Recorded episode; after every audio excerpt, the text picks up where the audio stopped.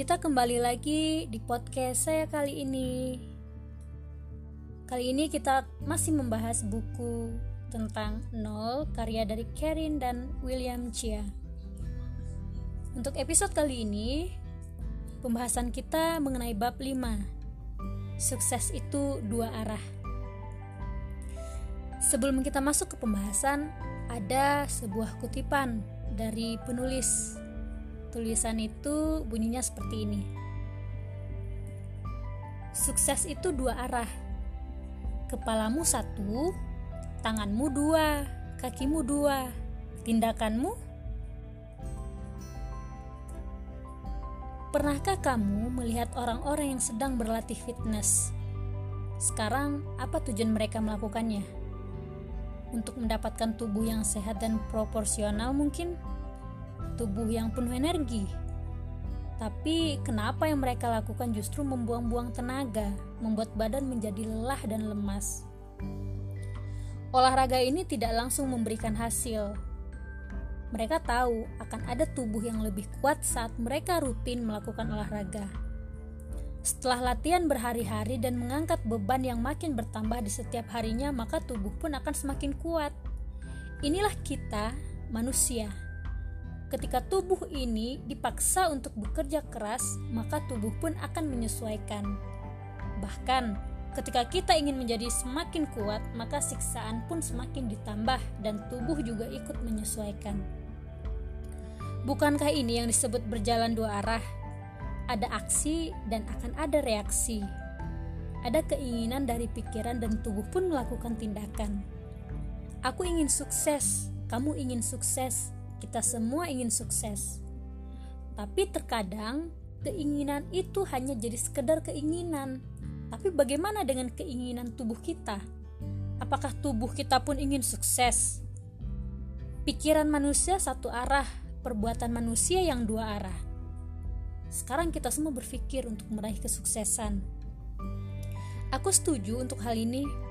Siapa sih yang tidak ingin sukses?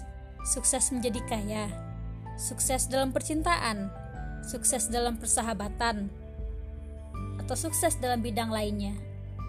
Tapi sayang sekali, pikiran kita yang searah ini terkadang dihalangi oleh perbuatan kita yang dua arah. Pikiran ini selalu tertuju ke satu arah, tetapi terkadang perbuatan kita justru mengarah ke tujuan yang lain.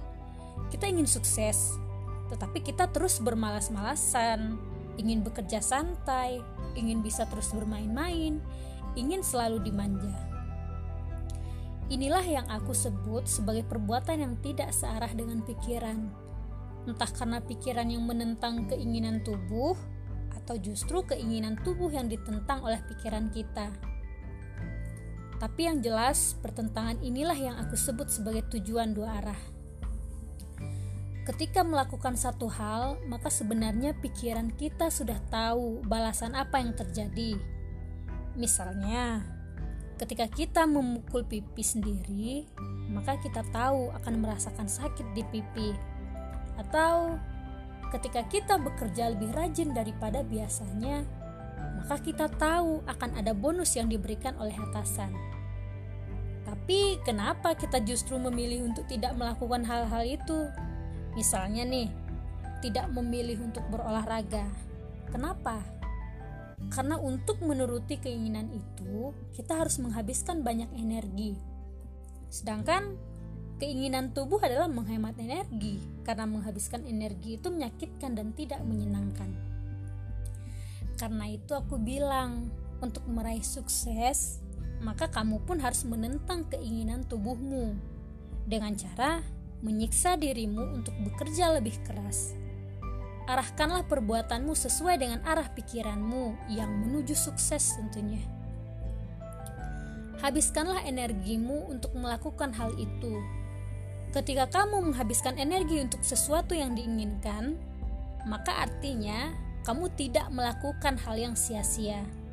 Semakin kamu menghabiskan energi untuk sesuatu yang diinginkan, maka semakin dekat pula kesuksesan yang ingin diraih. Ketika kamu mulai memfokuskan energi, energi pikiran ke suatu tujuan, melawan keinginan tubuh, dan mengarahkan perbuatan ke arah yang sama seperti pikiran. Maka, saat itu kamu sedang mengumpulkan energi dengan dorongan yang besar. Nah, dorongan itulah yang menggerakkanmu menuju kesuksesan. Ada sebuah kutipan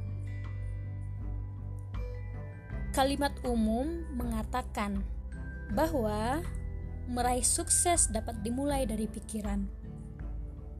Menurutku, kalimat ini tidak sepenuhnya benar, karena apa gunanya hanya berpikir tanpa ada tindakan.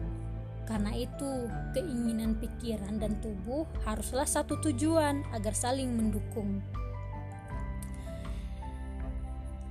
Setelah kamu bertindak, apakah bisa langsung sukses? Tidak. Setelah bertindak, apakah kamu perlu tahu apakah tindakan ini akan membawamu ke kesuksesan? Tidak perlu. Biarkan proses terjadi sebagaimana mestinya. Karena proses yang terjadi sudah di luar kendali kita.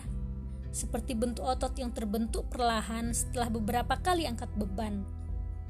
Seperti tumpukan lemak yang mulai terkikis selama kita lari di tempat atau seberapa banyak keringat yang keluar saat kita berenang.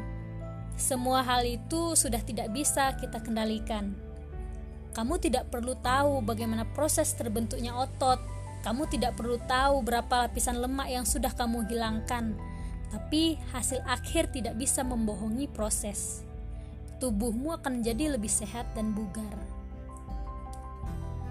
Kamu hanya perlu melakukan ini pikiran ditambah tindakan sama dengan hasilnya biarkan alam yang mengatur bertindaklah sebelum kamu dimakan waktu karena semua orang akan tua dan semua orang memiliki batas waktu yang tidak bisa diketahui sebelumnya kamu ingin sukses kamu ingin nyaman kamu sedang bermimpi ya kebanyakan dari kita sedang bermimpi. Kalau kamu masih ingin bermimpi, ya silakan lanjutkan tidurmu. Karena untuk bangun pun membutuhkan keinginan dan usaha, bukan? Sukses ada di tanganmu sendiri dengan pikiran dan perbuatanmu sendiri. Ucapanku, jangan terlalu didengarkan. Karena aku hanyalah orang yang mampu berkata, kamu belum tentu sukses, tapi kamu bisa sukses.